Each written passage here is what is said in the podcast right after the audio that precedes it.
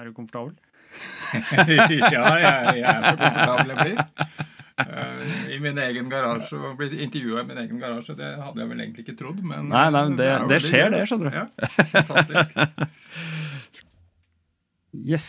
Mm. Da har jeg uh, tatt meg en tur, jeg. Ja. Da har jeg faktisk uh, tatt uh, apostlenes hester, som det kalles. byttet ut min motoriserte lille venn. Og gått hele tre kilometer. Og turen har gått fra Grefsen til Kjelsås. Og jeg gleder meg skikkelig til å introdusere dagens gjest, men det kommer ikke før etter denne.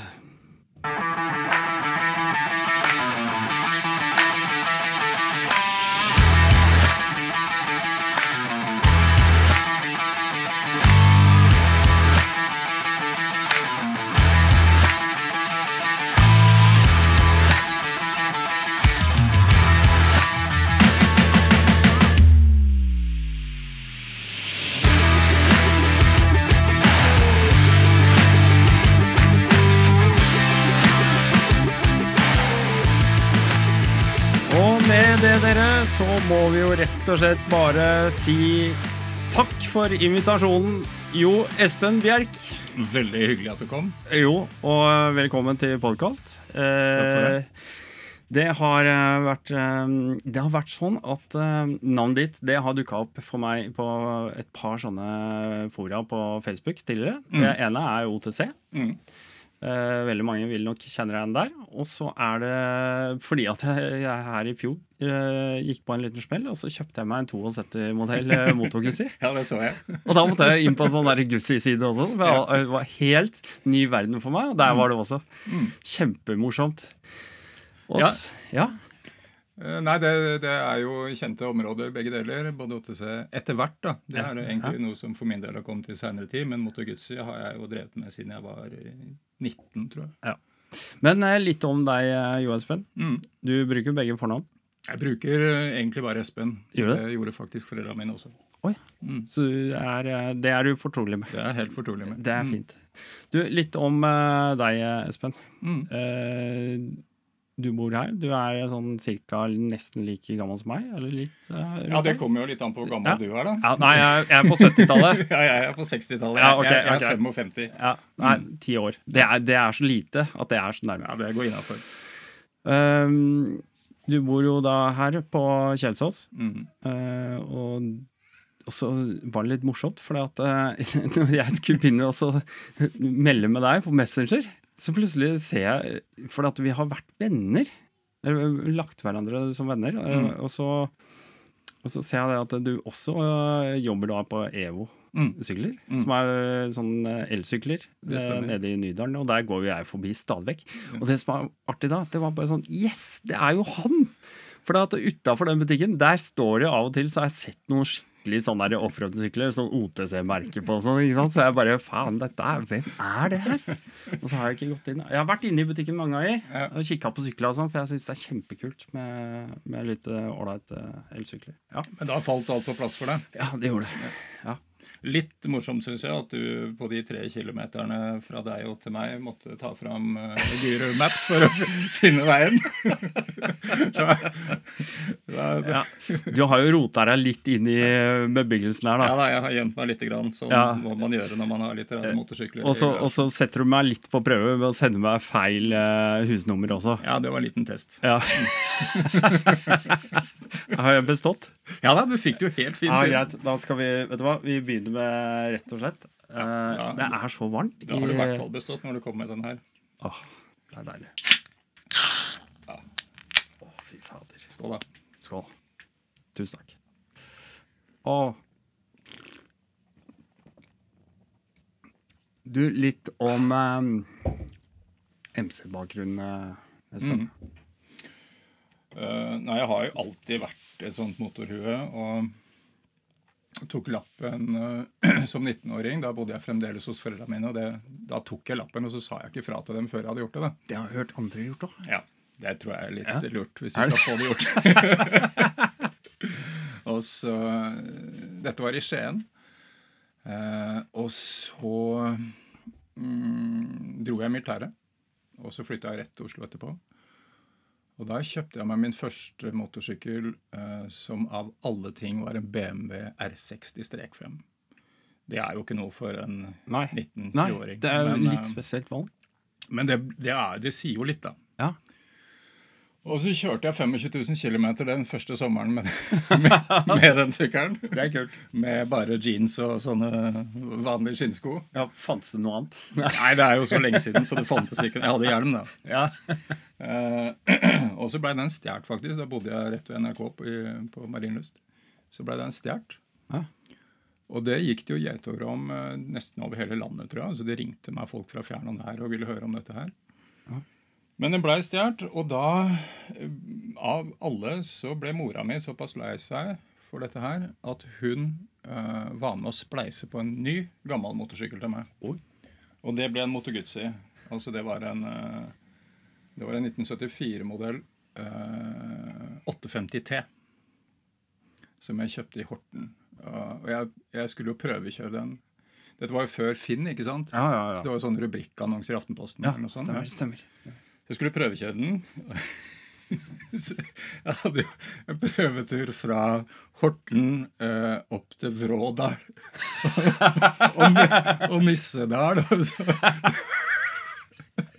og tilbake, tilbake til eh, Horten. Og han, han hadde jo ringt til politiet og lurt på hva han skulle gjøre. Dette var før mobiltelefonens tid.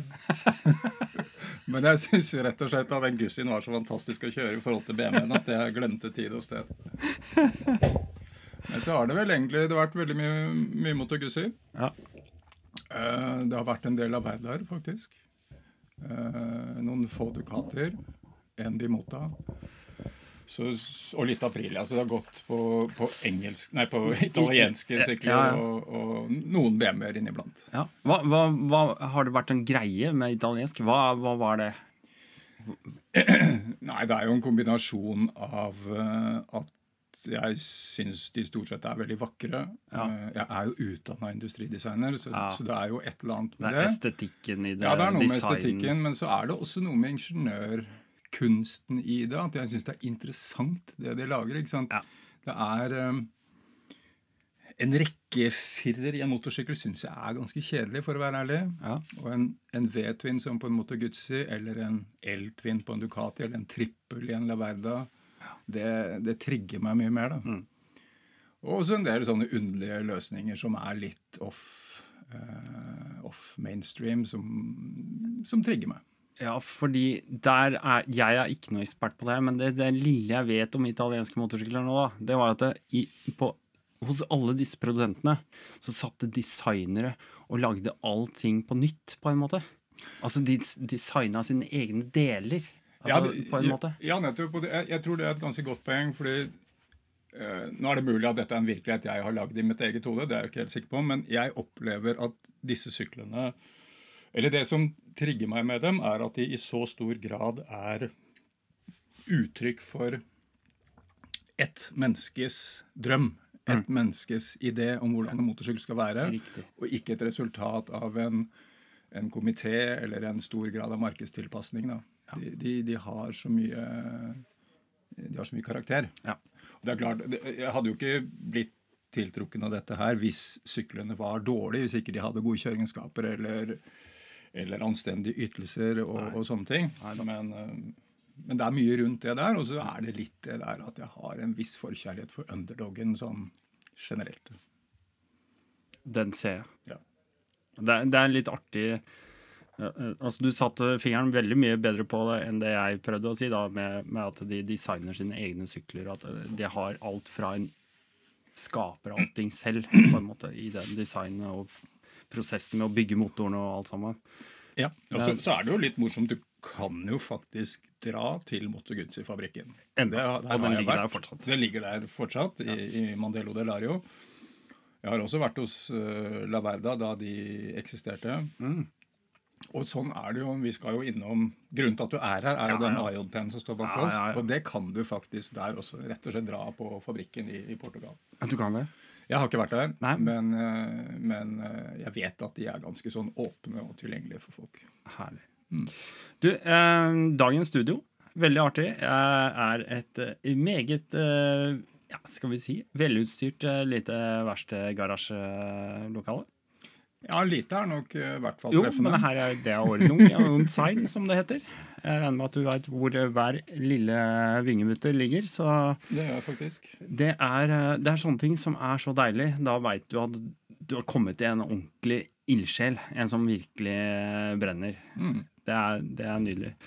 Um, og akkurat eh, i den forbindelse, du nevnte jo og røpte jo AJP-en, det er jo ikke noe hemmelighet. Eh, det var jo den jeg var virkelig interessert i å prate om nå. Mm. Men eh, det er klart, vi må jo ta for oss Du har et par andre sykler her også? Det står et par andre her også. Ja. så, altså, I og med at vi snakka såpass mye om Moto Guzzi, så er det jo kanskje naturlig at vi prater bitte litt om de to Guzziene som står her. Den ene som vi sitter ved siden av, det er en 2010-modell eh, Griso 1200. Som er den, den, nyeste av disse to gussene jeg har. Eh, mm. Den har faktisk bare gått 12 000 km. Hæ? jeg kjøpte den for en måned siden. Eh, den har stått ute en stund og liksom ikke blitt så mye brukt. Så den trengte litt kjærlighet. Så jeg fikk, jeg fikk den fra et sted utenfor Bergen. Ja. Men uh, nå, nå, går den som en kule og er en ekstremt morsom å kjøre. Altså.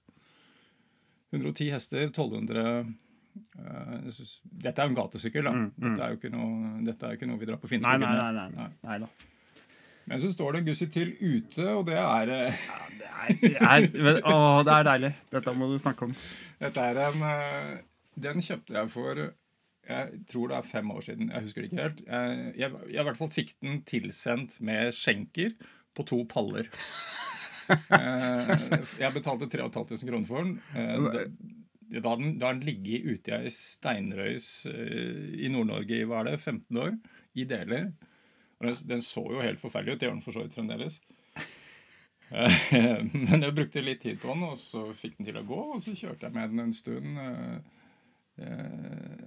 og, koser meg veldig. Eh, det, er en 1990-modell Moto Guzzi NTX 650. Ja. Ifølge Norsk Moto Guzzi-klubb og, og, Elin der, som har full koll på ting, så er det tre sånne i Norge. Ja. Uh, en, Halvor har vel en annen? Det vil jeg jo tro. Ja. uh, uh, hva skal jeg si Det er vel, kan kalle det en litt sånn tidlig adventure-sykkel. 32 liters tank. og, ja, det, og det, sånn, det, er, det, var jo kanskje en konkurrent til, til BMS R80 GS. da.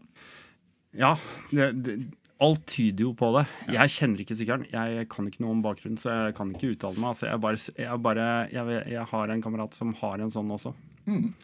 Og, som har vært med på en del turer og kjørt mye grus og, og sånne ting. Det er liksom grusmaskina hans. Ja, Det er tøft. Ja, det er grusmaskina hans. Nei, altså, alt annet er jo, alt annet er jo også gusser, da. Ja, ja. Med, med, og uten sidevogn og ja, i det hele tatt. Så, så, men for grusturer så er det den, da. Eh, har vært, mm. eh, for så vidt. Han eh, fikk seg vel en KTM på et eller annet tidspunkt. Men eh, jeg tror han har den fortsatt, ja. Mm. ja men den er jo ekstrem sånn koselig å kjøre. Ja. Det, det, altså, det minner meg på en måte litt om en Enfield. Ja. Uh, og så, så, minner det meg litt om en R80 G, som jeg også har hatt. Eh, eller R100 har jeg hatt tre stykker av, faktisk. Mm. Så, så, den er litt sånn midt imellom der. Fi, veldig fin å kjøre, men uh, det er, det er sært. ja, det går jo ikke fort. Nei, nei. Uh, det er jo ikke vasst på noen måte, men det er veldig koselig. Ja, det Tumler av gårde. Ja. Det er det som er deilig. Det, det skal ikke gjøre noe mer enn det. Ja, og så er det sånn, det er jo veldig sånn takknemlig å skru på, da. Ikke sant? Ja. Det. Du kan jo reparere alt med gaffateip og Sleggefett. Sleggefett, ja. Må ha masse sleggefett, så går det. Ja. Ja, det er, eh, det er, deilig. Jeg håper jeg kan få se den på veien en dag. Det, det hadde vært jeg, jeg tenkte, den, skulle... den, fortjener en liten runde på Finnskogen i hvert fall. Ja, den, den har vært der også. Den har til og med kjørt den derre Hva heter det, Rally Grenseland? Oh, ja. Den har kjørt, ja, har ikke, ikke, ikke, i det offisielle arrangementet, men nei, nei. kjørt den turen. Da. Ja, ja, ja. Jeg tenkte egentlig jeg skulle invitere deg til å kjøre den en tur før, du, før vi begynte å prate sammen. Men eh, ja, vi, vi var litt tørste. Ja, vi var, det er så varmt i dag. det er veldig varmt i dag. Shorts har jeg også. Jeg pleier alltid å kjøre med kjøreutstyr. Men ikke, ikke, i dag? Nei, jeg måtte gå. Ja, ja det var bra det ikke tok på kjøreutstyr. hadde sett fryktelig teit ut. Komme med full klimautstyr nå i, i 23 grader. Åh, ja, da måtte jeg hatt litt mer enn én øl. Ja, da um, fiksa en til til det. du, jeg, jeg sitter Jeg tror det var et par år siden første gang jeg liksom oppdaga Jeg vet ikke hvor jeg oppdaga den. AJP. Mm. PR7. Eh, Dukka vel opp på YouTube for meg en eller annen gang, plutselig. Mm. Og det var for meg sånn derre Jøss, hva er det her? Dette har jeg aldri sett i Norge. Aldri sett en sånn i en norsk butikk. Jeg har aldri hørt om det merket før. Det var sånn, Jeg hørte merket, og så glemte jeg hva det het igjen, for det, det var så fjernt. Ja, det var ikke på radaren? For, nei, det var ikke på radaren i det hele tatt. Og så gikk jeg inn um, ja, det er et par år siden da, og så, så på en, eh, en video. Det er bare en en portugiser som tok, tok, en sånn 15 minutters prat om sykkelen sin, og liksom hva han opplevde og hva han syntes var bra og dårlig, og fortalte litt om bakgrunnen og sånne ting. Mm. Og da begynte jeg å sjekke ut, syntes det var kjempekult, for det her var liksom, dette er håndbygde sykler. tenkte jeg, faen, dette er stilig, og de hadde mye gode ideer da, som, ja. som jeg liksom faller veldig for. Ja. Det er sånn åh, yes! Bare liksom ja, dette Og så, så er jo du flink til å poste da, hver gang du er ute og handler et eller annet. så jeg Vise begeistring og dele, liksom. ikke sant? Det er liksom ikke kjøpt før du har vist den til 20 andre, i hvert fall. Nei, nei, nei, det finnes jo ikke før det.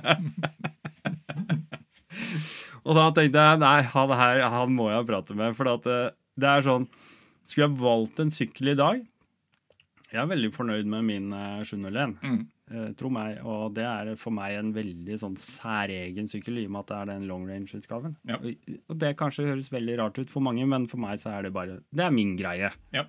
Det er sånn det er. Men skulle jeg valgt nå i dag, hadde det vært en forhandler Det kunne kanskje vært og sett på en sånn eh, PR7 for et par år sia. Kan godt hende det hadde gått for den isteden, altså. Ja, Ja, for det er jo Det. Det er jo liksom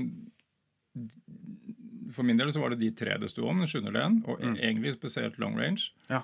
Uh, og, og, KTM 690 og, og ILP PR7. Det var, det var de tre ja. var de tre jeg på en måte vurderte, da. Ja. Men vi spoler litt tilbake i tid. altså så er det en sånn fem-seks år siden. Selv om jeg har kjørt motorsykkel i, i, nærmere 100 år, så er det jo først i nyere tid at jeg har begynt å kjøre den type sykler. Ja. Uh, og, det begynte med at min kompis Robert kjøpte en 701. Mm.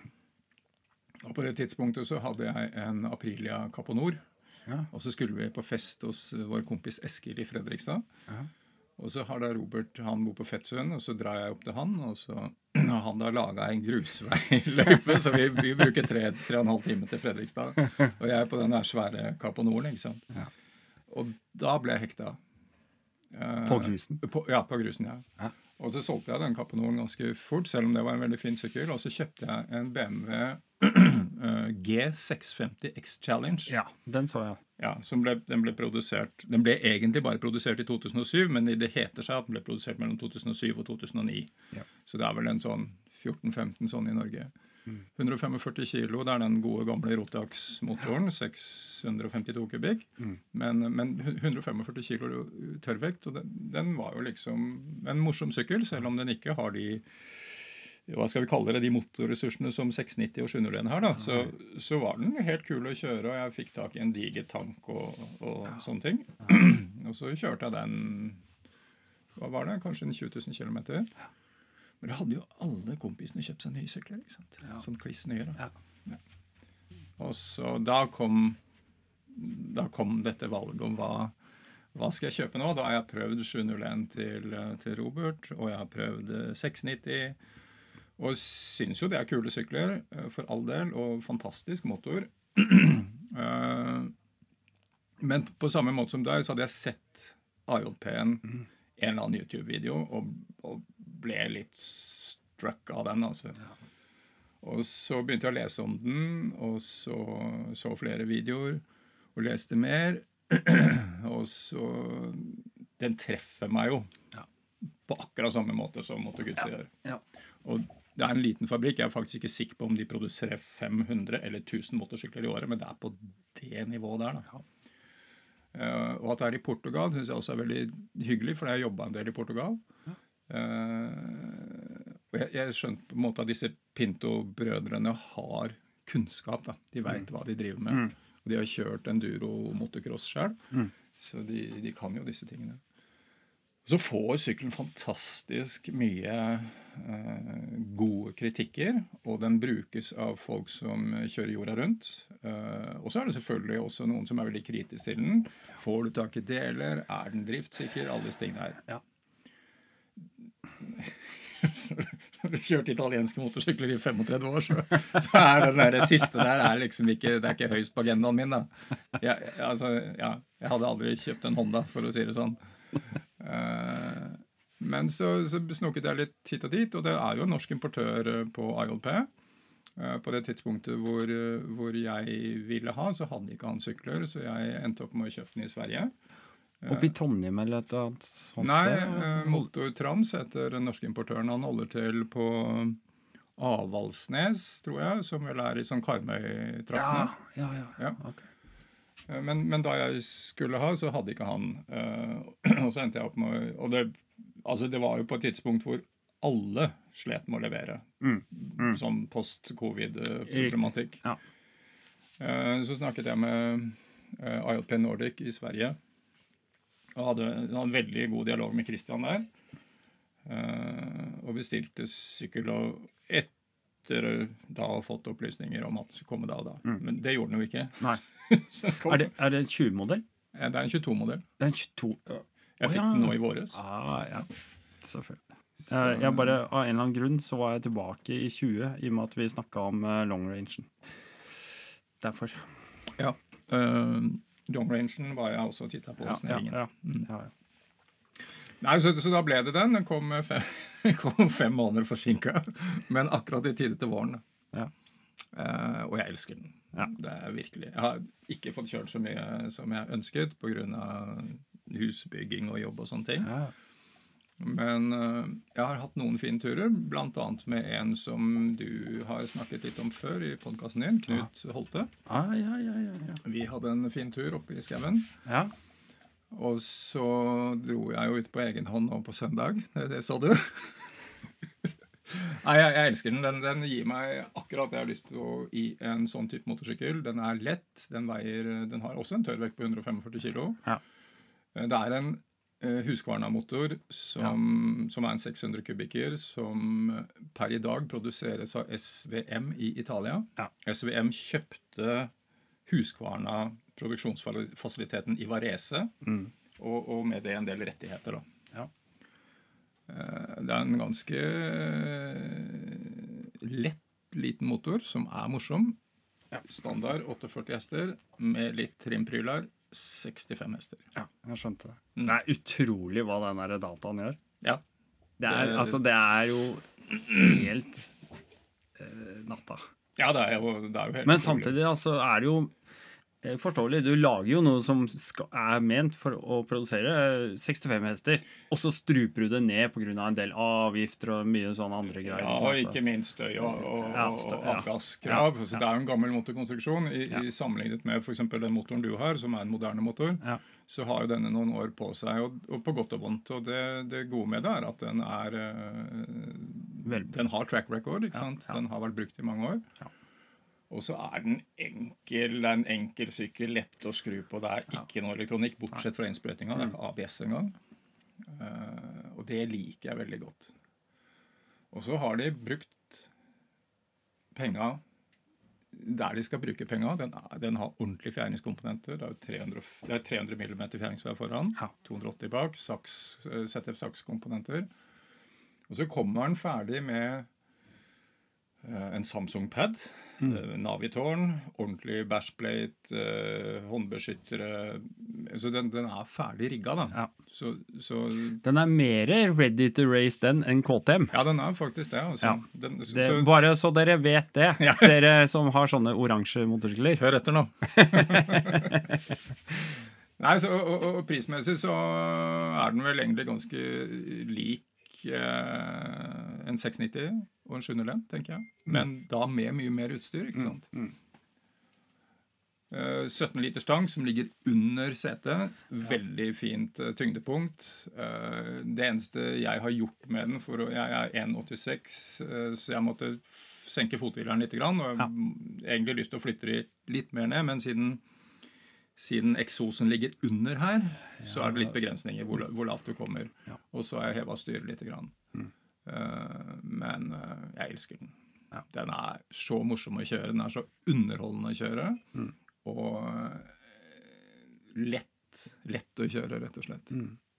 Veldig sånn. Jeg har sett på en del sånne comparison-videoer. Mm. Uh, hvor de sammenligner uh, 690 for eksempel, da, med, med PR7. Ja.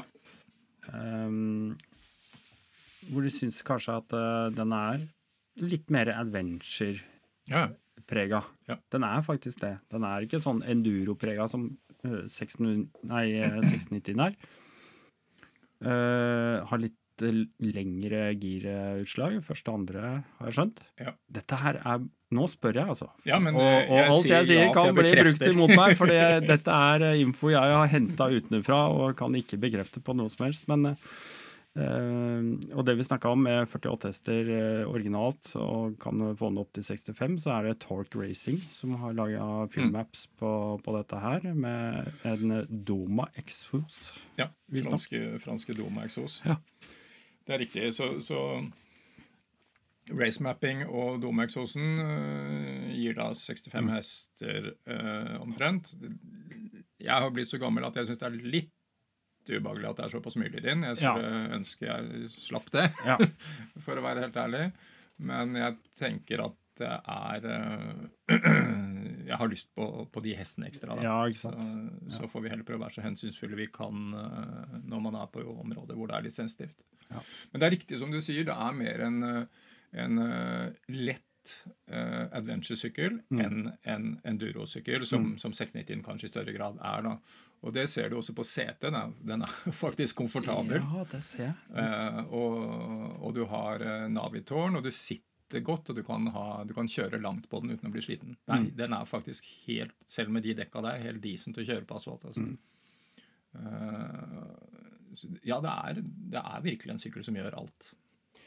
Jeg syns, jeg syns det er um, du, du, du, må bare avbryte meg hvis jeg tar feil, men de har brukt en del Eh, hvis du ser på service og sånne ting, så følger det med en servicemanual. Der står det delnumre. Mm. Det står dimensjoner på diverse skruer, muttere, saker og ting. Kuler, ting du kan gå, ja. Ja, som du kan gå og kjøpe på jernvarehandelen eh, hvis du trenger det underveis. Det er helt. Det er en del sånne ting som bare jeg syns er så sinnssykt gjennomtenkt, eh, som jeg skulle ønske ja, jeg hadde litt ja, det er, sant, det er det som gjør tenker jeg også at gjør den veldig egna for de som som drar ut på lange turer med, med sykkelen. At mm. du kan sitte der og se at hvis en simring går, mm. så har du lett tilgjengelig eh, dataene på den, og det er helt standard. Eh, sånne type deler som det er helt standard. Ja. Da kan du nettopp, om du er i Egypt eller Marokko eller hvor du er hen, så går det å få, få tak i det. ikke sant? Mm. Eh, det er klart at Den, den er jo mer servicekrevende enn en, eh, ja, Nå er det jo 690 701 vi snakker om som referanser. Ja. 5000 km på oljeskift, men Det gjør jo jeg på mine allikevel. Ja, og, det, det, det, spiller ingen rolle. Er, jeg har 10 000, men jeg gjør det på 5000 uansett. Ja, altså vi som er glad i syklene våre, gjør jo gjerne det uansett. Så jeg klarer ikke å se at det er noe heft, da. Nei. Nei. Og jeg, jeg, har hatt litt grann korrespondanse med AJP direkte, mm. bl.a. da jeg var på Biltilsynet, fordi at jeg måtte jo vise den. Ja. Eh, det, gikk, det, gikk, helt fint, det. altså for all del. Den er jo EU-typegodkjent. Men eh, det var noen spørsmål om eksosanlegg. Og da fikk jeg da, da ringte jeg Christian, svenske importøren. Han var på fabrikken. Etter fem minutter fikk jeg mail fra Antonio Pinto himself med dokumentasjon på, på eksosanlegget. Så ja.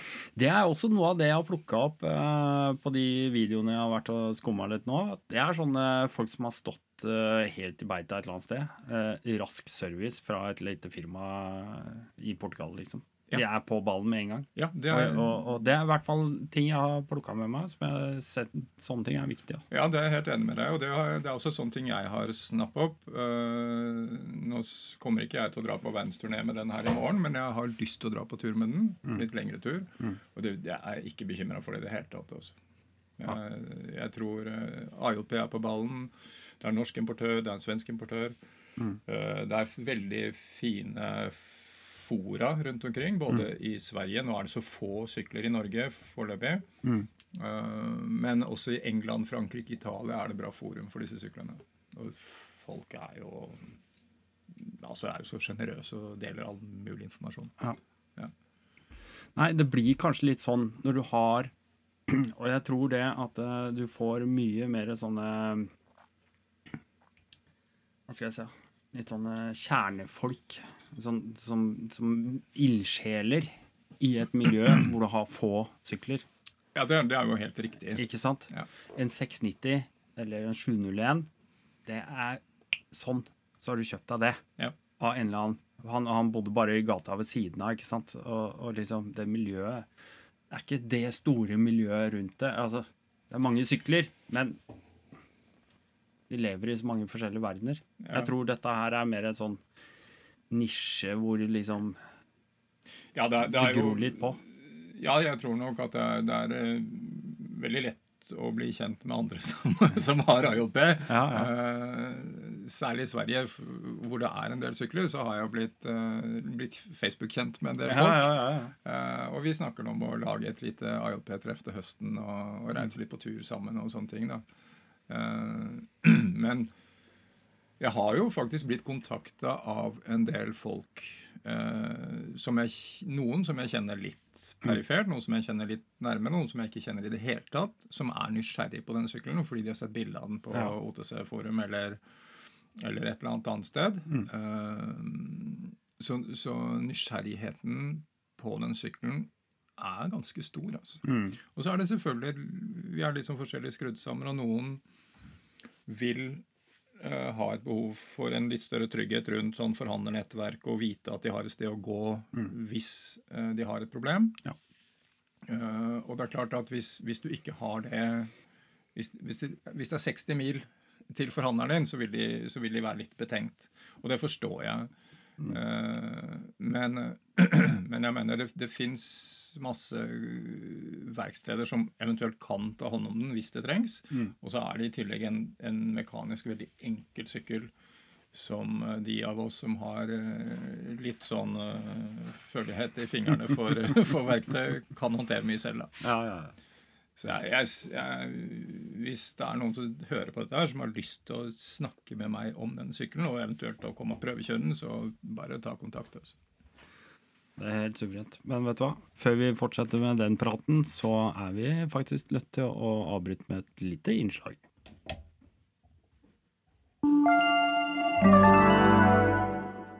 Da tar vi et raskt avbrekk i denne ordinære podkastepisoden, bare for å fortelle deg at du kan gå ned i eh, shownotes. Du kan klikke deg inn på patrons-linken der nede og bli en patron av Rally Nord podkast, selvfølgelig. Da kan du bli en Rally 50 eller Rally 100 patron. Da får du eh, automatisk en link til eh, Rally Nord eh, patrons pod. Du får en link til eh, Discord som jeg sender deg. Du eh, skal selvfølgelig selvfølgelig få et Rally Nord-podkast-klistremerke som du kan uh, pynte opp uh, din yndlingssykkel med. Og uh, ikke minst så er du automatisk invitert til neste Rally Nord Patrons-treff. Og eh, om ikke annet så kan alle også gjøre meg en tjeneste til. Det er nemlig gå inn og gi meg ratings der hvor du lytter på din podkast. Gi meg slike stjerner. Og eh, har du litt ekstra tid å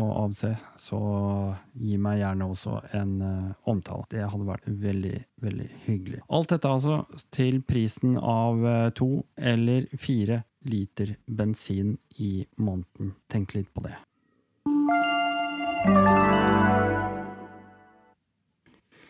Ja, sånn er det altså. Sånn, sånn er det. Ja. Det, er, eh, det, er, der jeg henter mine sponsorer. Ja, men, det er eh, blant uh, lytterne. Da, på den måten. Da følger vi den oppfordringen. Ja.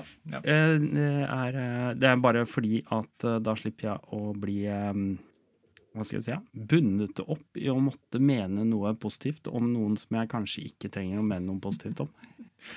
Så var det en hyggelig måte å si det på? Ja, det var en veldig diplomatisk måte å si det på. veldig bra. Ja. Du, jeg, jeg, var litt interessert i mm, Vi må ikke glemme å ta med det sitter en uh, Samsung Active Tab ja. som er ferdig montert. Ja. Uh, hvilken modell er det? Er det Veit du det? Ja, det veit jeg. Uh, du har Active Tab 1, 2 og 3, så vidt jeg veit. Nå står det helt stille ja. for meg. det må være en treer. Ja. Nei, det, det, står litt stille for meg. Ja, du, vet du hva, det er, ikke, det er ikke det viktigste, egentlig. Men den er da, den er da ferdig satt opp med det Torque Racing, Carpe Eater, DMD-oppsettet. oppsettet. Drive ja. mode dashboard. Uh, så selvfølgelig så har du kart. Eh, du har roadbook. Du, jeg har kjøpt meg en sånn liten OBD-dongel, så jeg kan sitte og lese motordata ja. mens jeg kjører.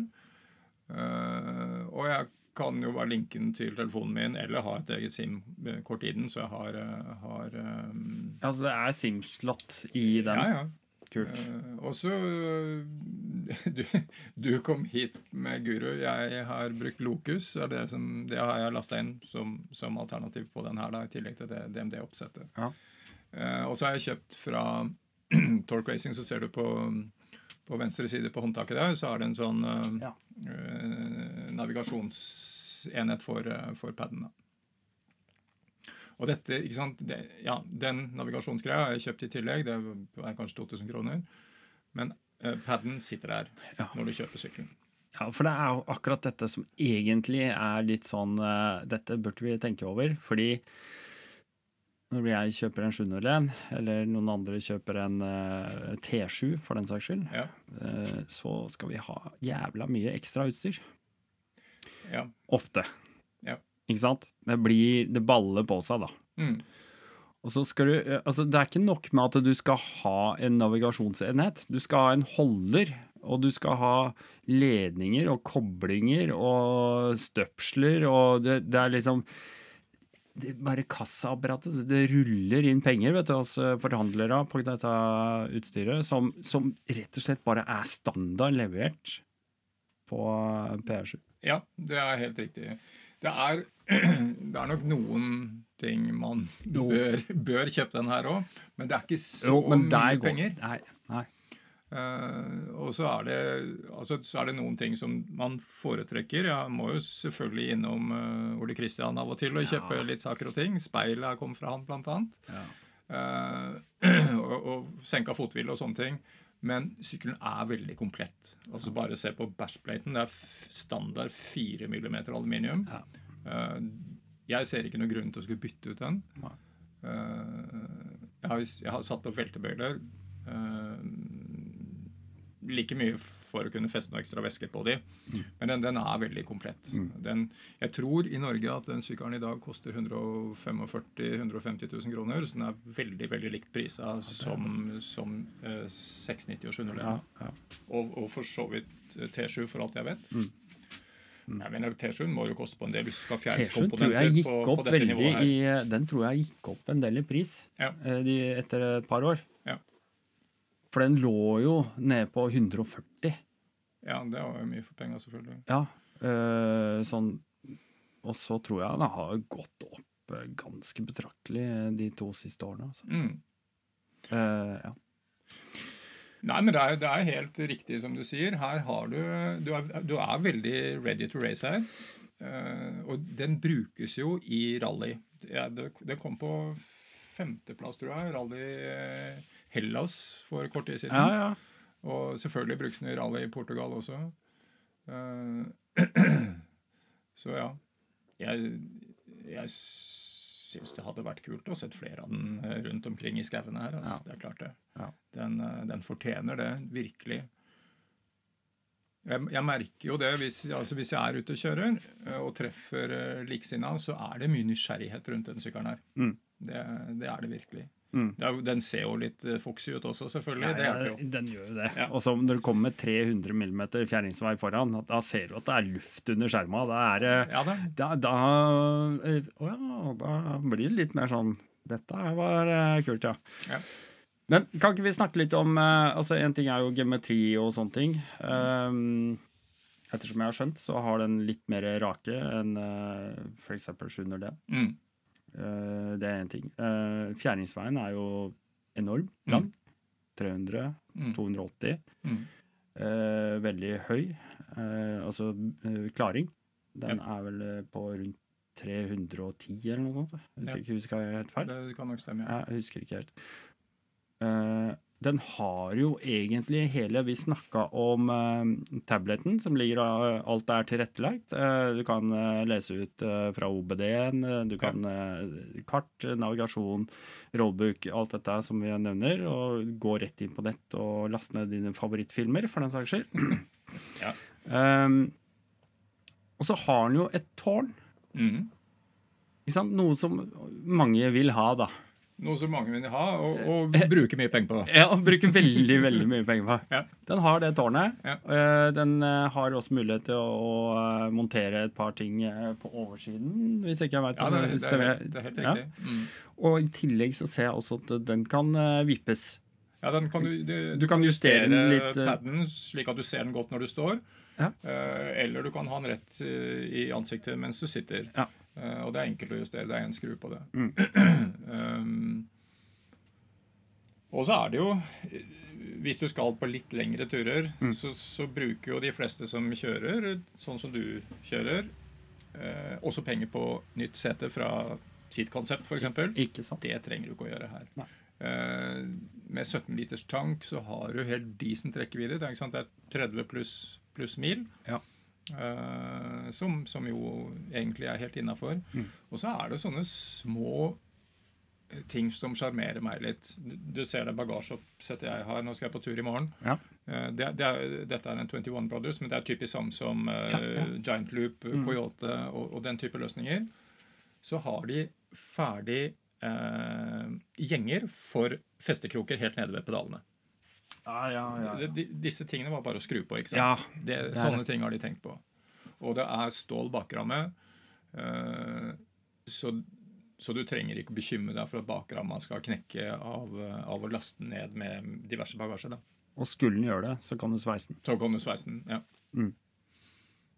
Ja, det er stilig. Jeg, jeg liker den rammekonstruksjonen altså, og måten det er skrudd sammen på. og sånt. Og det fins en video eh, fra fabrikken hvor de monterer de syklene. Jeg har sett Den Den er kul, altså. Ja, den ramma er Og så liker jeg de eh, anodiserte fargene, rødfargene og skinnende blanke ting som blir montert sammen. Ja, det er, det er, fin, det er fin bling. Ja, det er nydelig. Men du skal, jeg har jo selvfølgelig måttet ta av deksler og se litt hvordan dette er lagd. Ja. Så, så ramma er jo en konstruksjon som er en kombinasjon av støpt aluminium. Ja. Så det er en aluminiumstruktur fra styrehuet og, og ned til svingarmsinnfestningen. Ja. Og så er det en eh, stålramme som går under motoren.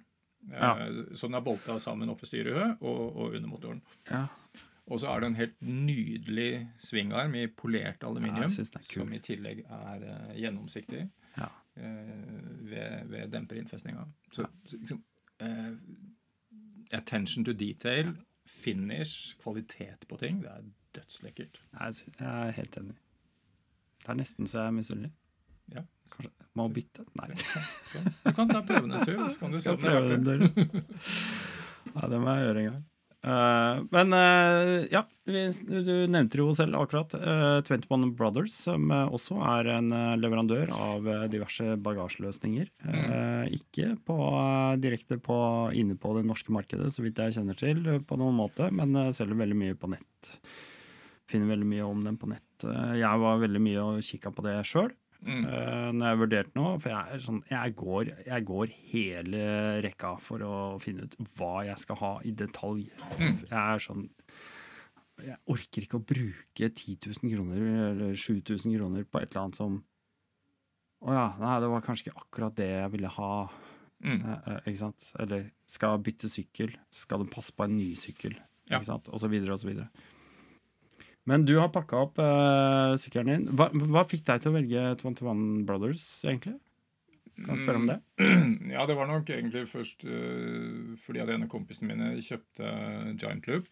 Ja. Coyote heter vel den. Jeg, jeg liker den løsningen ja. Ja. veldig godt. Ja, for dette er en sånn pølsebag, da. Bare sånn, sånn U-bag, som det heter. Ja. Uh, så jeg hadde jo egentlig tenkt å kjøpe den samme, og, og det kan godt hende at det er bedre kvalitet på Giant Loop-produktene. Det veit jeg ikke helt. Men Eh, litt av nysgjerrighet så, så, så jeg masse videoer om den her eh, Rogal ja. Excel, tror jeg den heter, ja, ja, fra 21 Brothers. Stemmer. Og så kjøpte jeg den. Den koster omtrent det samme som uh, Giant Loop. da. Men, men de, de, syr jo på bestilling, mm. så det tar jo tid. Uh, men den rommer jo absolutt alt. Mm. Så nå, nå, skal jeg ut på tur i morgen, og sånn som du ser den er pakka nå, mm. så har jeg med Eh, telt, eh, liggeunderlag, en stol, sovepose, eh, primus, tarp. Alt får jeg plass til den. Mm. Og så har jeg verktøy nå, nå, har jeg lært. har jeg med pumpe og lappsaker. Ja, hva var det igjen? Hva var det? Nei, nei. skal, vi gå, skal jeg gå forbi den i stillhet? Uh, nei, nei, så, så den, det, er, det, er, veldig god plass inn. Mm. Uh, som du ser, så har den vært med på noen turer, og jeg har også tryna med den, og den har, har tålt det stort sett. Jeg må hos en primus, riktignok, men ja. sånn skjer.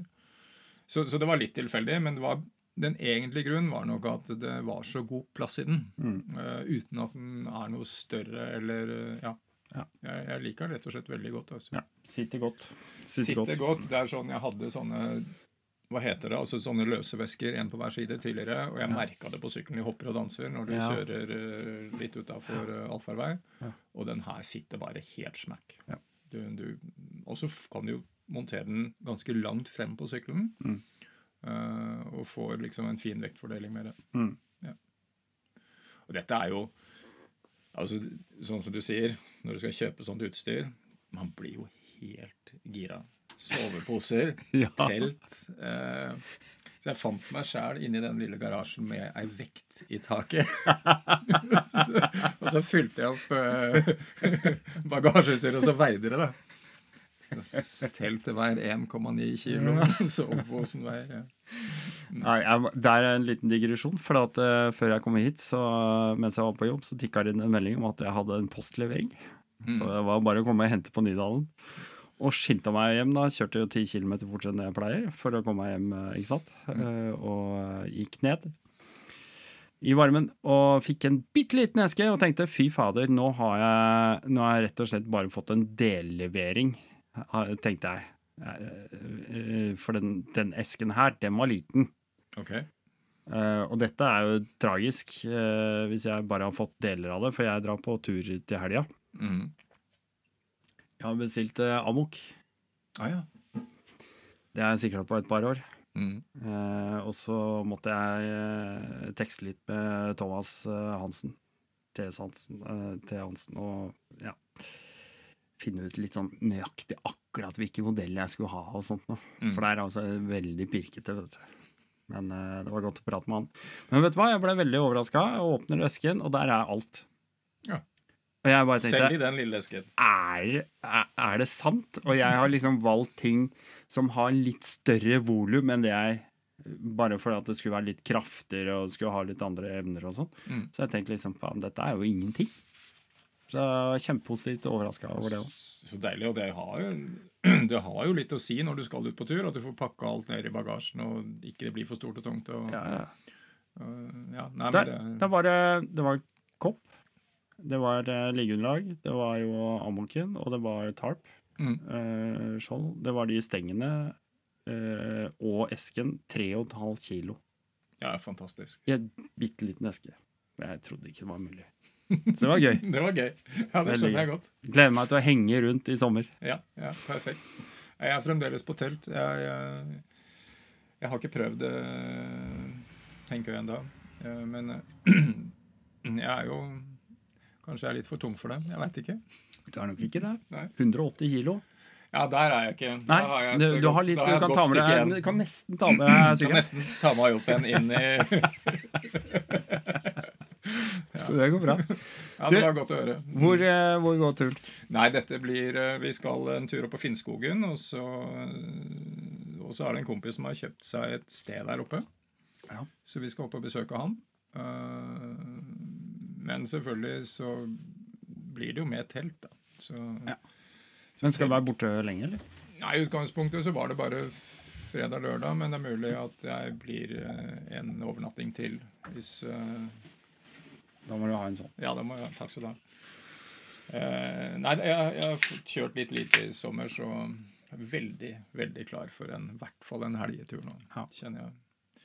Så er det det er et eller annet å sitte med noen gamle kompiser ja. rundt leirbål og drikke litt øl og ljuge litt. Og, ja, det er sjelefred. Skal dere innom Ole Kristian? før dere skjærer inn, eller? Ole Kristian venter på noe utstyr som jeg skal kjøpe. Mm. Eh, jeg fikk jo så innmari god hjelp av han her på søndag. Ja. Jeg punga i ingenmannsland. Han er en utrolig fyr, ass. Han er en fantastisk altså, fyr. Vanvittig ildsjel. Ja. Vi er så glad for at vi kan ha han i uh... Ja, jeg er helt enig. Det er, det er liksom, jeg, jeg, sto der på toppen av en sånn der uh, traktorvei. Eh, og hadde punga og skulle det, det, tenkte at dette, dette er ikke noe big deal. Jeg tar fram verktøy og finner en trerot jeg stikker under sykkelen for å få bakhjulet. Og så har jeg ikke med meg pumpa. Nei. Og den pumpa har jeg kjøpt av han, ja. og lå i hylla der. Så hva gjør jeg nå? Det er liksom ikke bare å ringe til NAF oppi der. Nei, nå kjører du til du hører banjoen, og så Nei, så Jeg sendte en melding til han. Altså, jeg er utrolig takknemlig for det. Så Han kom jo etter kort tid, og rett, rett til verkstedet hans og fikser uh, ny slange. Ja, Deilig. Ja, det var helt, Jeg ble så, så glad for det.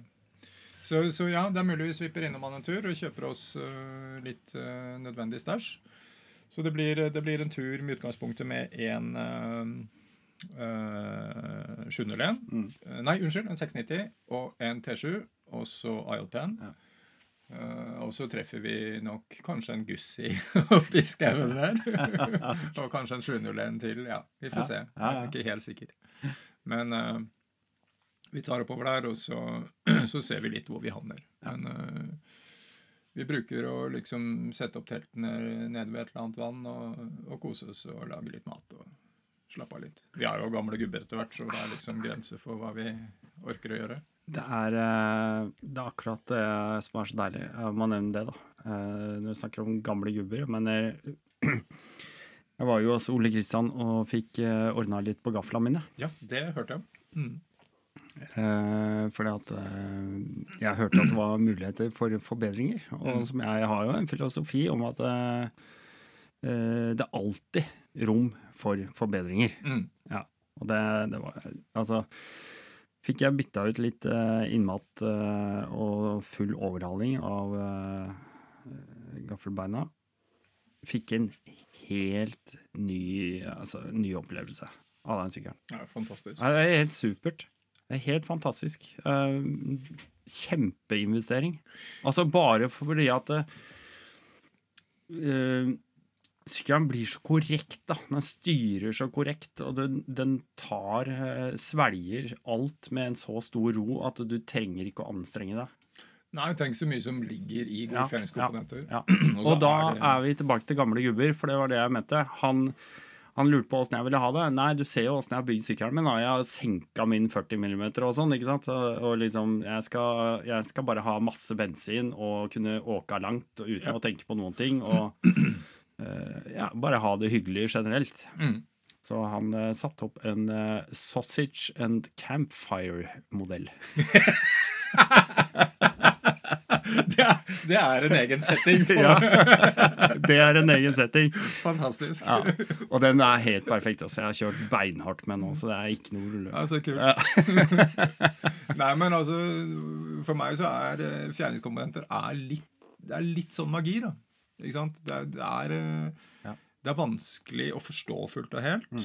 Eh, jeg syns for så vidt at det er vanskelig nok å sette opp sykkelen sin selv mm. med de innstillingene som passer både vekt og kjørestil. Eh, så det å få, få hjelp av noen som kan det på den måten der, det er jo helt fantastisk. Ja, som, eh, som skjønner når de skrur på den skruen her, så skjer det. Hva skjer egentlig da? Ja, ja. ikke sant? Hadde jeg bare jeg, jeg, har ikke noe Jeg legger hodet på blokka i en annenhver episode, jeg, fordi at jeg har ikke peiling. ikke sant? Og det er det som er deilig, da. Jeg skal jo alltid gjøre det, fordi at uh, det er da vi får de beste svarene. Ja. Uh, men uh, altså, hvis jeg hadde gått bort og så bare gitt den 15 klikk eller 10 klikk det er ikke nødvendigvis sånn at jeg nødvendigvis hadde skjønt helt hva jeg gjør. Nei. Altså, jeg skjønner det. Det er en lærdom. Det er jo lærdom. Men, men det, er jo, det er skummelt for mange. Ja da, det er skummelt for mange, og for så vidt med rette, tenker jeg. Mm. Uh, og dermed så er det jo fantastisk å, å ha folk som kan det, da, og som kan både hjelpe deg til å sette opp sykkelen riktig og forklare deg hva som skjer når du når du vrir de tre-fire klikkene og, mm. og, sånne type ting. Da. Og man merker jo unektelig forskjell på, på en sykkel med gode fjæringskomponenter ja. og en med dårlig, eller ja. middels. Kjenner du noe særlig til uh, saks fra før av? Har du hatt det på noen sykler? ja, det satt vel noe ja, jeg har hatt, hatt sakskomponenter på sykkel tidligere. På BMW-en var det kanskje? BMW-en BMW var det saks på BMW. Denne X-en hadde jo ja. originalt luftdemping uh, bak. Det stemmer. Den blikkboksen. Uh, Continental, tror jeg. Ja. Den var ikke, det var ikke en god opplevelse. Det var helt forferdelig, rett og slett. Uh, så den bytta jeg ut. men ja, jeg har hatt noen sykler med det. Men, men ikke med sånn type fjæringsvei som Mayot Bennerne. Og den, eh, den men Jeg er ikke sånn supererfaren på sånne type sykler. Jeg har kjørt veldig mye motorsykkel, men akkurat den type sykler har jeg ikke så mye erfaring med. Men jeg merker veldig stor forskjell på, på hvordan denne sykkelen oppfører seg. Hvor uh, confident, for å bruke et unorsk ord, jeg mm. blir av å kjøre den. da. Ja, ja, ja. Og det, det, er jo veldig mye det det handler om. Det er det. Mm. Og den er ikke, den er, det, er en, det er ikke en falsk trygghet heller. Sånn jeg ser det. Nei, det er jo ikke en falsk trygghet. fordi at hvis du føler deg trygg, så oppfører du deg mm. på en måte som gjør at du faktisk i større grad holder deg på jorda. Mm. Eh, så, så, det er helt, uh, helt relevant. Mm. Akkurat det temaet der syns jeg er ganske interessant, fordi Dagsform. Ja. Ikke sant? Når du ligger på en eller annen grusvei, uh, og det finnes jo dager hvor du ikke får til noen ting. Ja. Absolutt ikke får til noen ting. Ja. Eh, og heldigvis, de gutta jeg kjører med sammen, vi, vi har nå måtte bare akseptert at OK, i dag, i dag, er Espen helt ute. La han bare være. Nå klarer han ingenting. Han, kommer tilbake i morgen. Men så har man andre dager ja. hvor man er helt på, og, og alt sitter. Det er utrolig fascinerende. Altså. Ja. Og så nytter det på en måte ikke å pushe det heller, da, når du, når du ikke er der. Men det er klart, det, for meg så er det veldig mye å si at sykkelen funker. At, uh, og særlig dette med fothviler. Altså. Ja. Uh, at uh, på den der så sitter fothvilerne originalt veldig høyt, og det har mm. litt med hvordan eksosen ligger. Ja. men det kan jo hende at også, selv om det er en ganske høy sykkel, så er den kanskje bygd for folk som er litt mindre enn meg i utgangspunktet. Mm. men jeg merker at nå har jeg fått flytta fothvilerne litt Eh, ned, mm. og hvor mye det har å si for hvordan jeg opplever, uh, opplever sykkelen. da, mm. Hvordan jeg håndterer den. Mm. Og så ja. er det kjøreklær. Det er også et morsomt tema. Ja, det er gøy. Har du, har du noe eh, på hjertet? Du, du, kjører ikke fortsatt rundt i halvhjelm, Tommy halvhjelm og olabukser fra 70-tallet nå? Nei, jeg gjør ikke det lenger. Altså. Det, det har jeg gått bort fra. Ja. Så nå er det, det, Der ser du, der henger en del kjøreklær. Ja. Og, så det, det er brynje, og så er det disse knegreiene, som du ser. Ja. Braces. Braces, Seriøse, solide greier. Uh, ordentlige støvler. Ja. Uh, Klim henger der, men jeg har egentlig Jeg bruker den Klim-buksa. Ja. Men den jakka har jeg egentlig aldri vært sånn superhappy med. Nei. Så jeg har switcha over til um, Adventure Spec. Ja. Uh, og den ytterjakka mi nå er den der tynne vanntette som heter single track. Ja. Uh, med hette. Og jeg elsker å ha på meg hette. Når, jeg liker veldig godt å kjøre i regn. Uh, særlig på grusveier. Ja. men når du kan ha hette under hjelmen og få det helt tett, det og det pissregner, syns jeg er fantastisk å kjøre.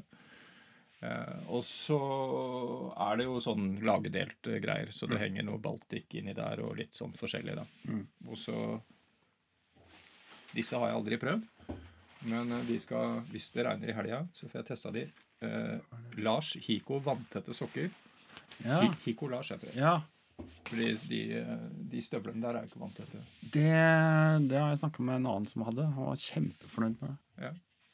Så jeg sitter i så mange kvelder ved Varaldsjøen med beina inntil primusen etter å ha kjørt hele dagen i regn. ikke sant? bare, bare tærne helt oppi primusen. Ja, for det, Selv om det heter Gore-Tex og alt er fint og flott, altså det er ikke vanntett alltid lenger. Altså. De er ikke gamle, de støvlene mine, altså, men de, og de kosta mye penger, men de er ikke vanntette lenger. Sist jeg var ute her i et eller annet, måtte sette ned foten litt, så ja. Vel, vel. Ja, disse, eh, disse, skal jo ikke være vanntette engang. De, nei, liksom nei det er jo noe annet. Ja. Eh, men eh, nei, kjøres, Apropos adventure spec, altså, det, er, det er noe som har meldt seg Sist jeg kjøpte kjøreutstyr, så ble det litt sånn Nei, det gidder jeg ikke, for jeg får ikke prøvd det. Det er kanskje en sånn der terskel, da. Ja. Du får ikke prøvd det noe sted. Og så veit jeg jo det at eh, sånn som jeg er veldig glad i eh, min eh, lokale forhandler, Snellingen selvfølgelig, men, men og dette er noe av det jeg syns er fryktelig sleipt, og det er jo ikke bare Snellingen. Dette gjelder jo alle, om det er AMD eller uh, hvem det er. Kommer folk, prøver klær, bare for å finne ut hvilken størrelse de skal ha, og så kjøper de på nett. Og jeg håper virkelig at uh, jeg, jeg, håper de brenner seg litt på det, for ja, det kommer noe toll og det kommer noe avgifter oppå der ofte. Ja. Men, men, jeg syns det, det, er en litt ufin greie. Det er en veldig ufin greie, og det å drive motorsykkelbutikk i Norge tror jeg ikke er en dans på roser. altså.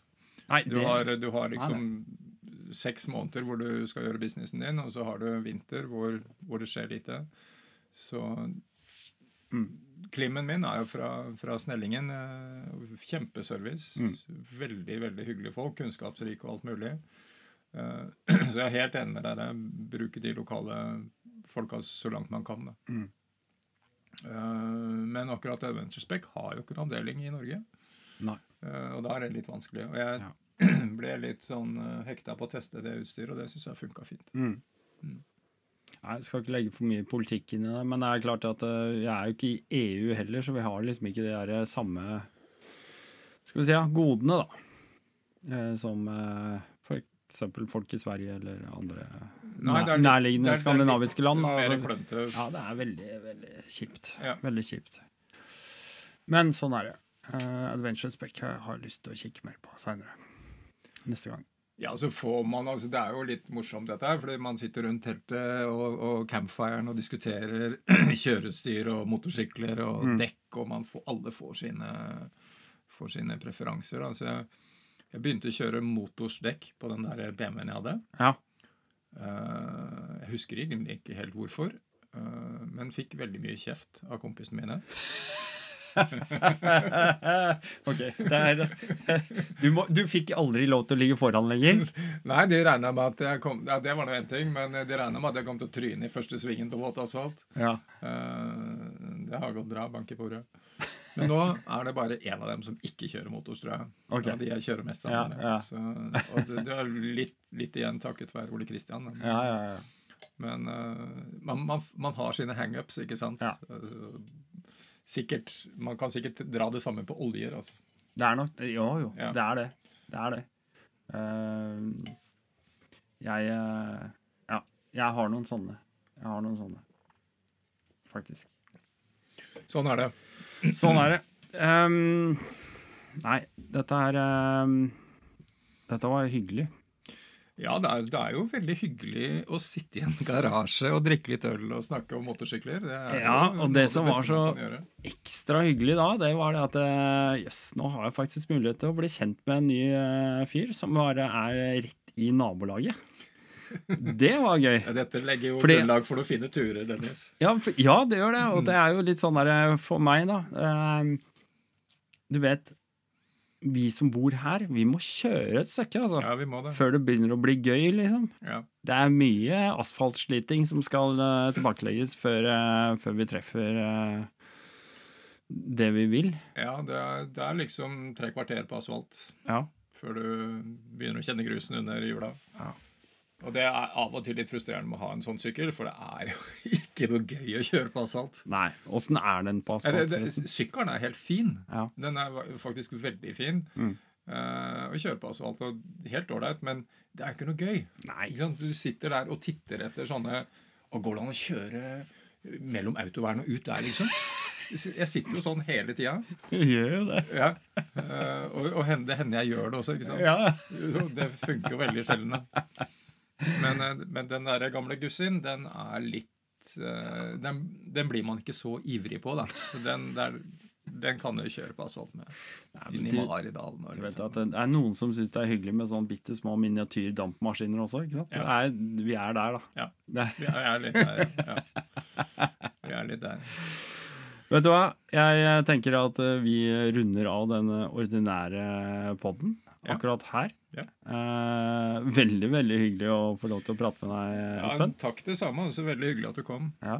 Og så, så, tar vi en liten skål for AJP. Vi tar en skål for AJP. Ja. Det skulle bare mangle. Skål. Og så sier vi sjalabais. Sjalabais. Ja. Vi ses vi ses i skauen, tenker jeg. Ja. ja. Du, forresten, det var en ting jeg, jeg, tenkte jeg skulle prate med deg om. For jeg hadde tenkt å selge alle syklene mine og så kjøpe meg en sånn elektrisk trådsykkel. Kan du, ja. kan du hjelpe meg med ja. Skal vi ta det? Ta det sammen. Ja.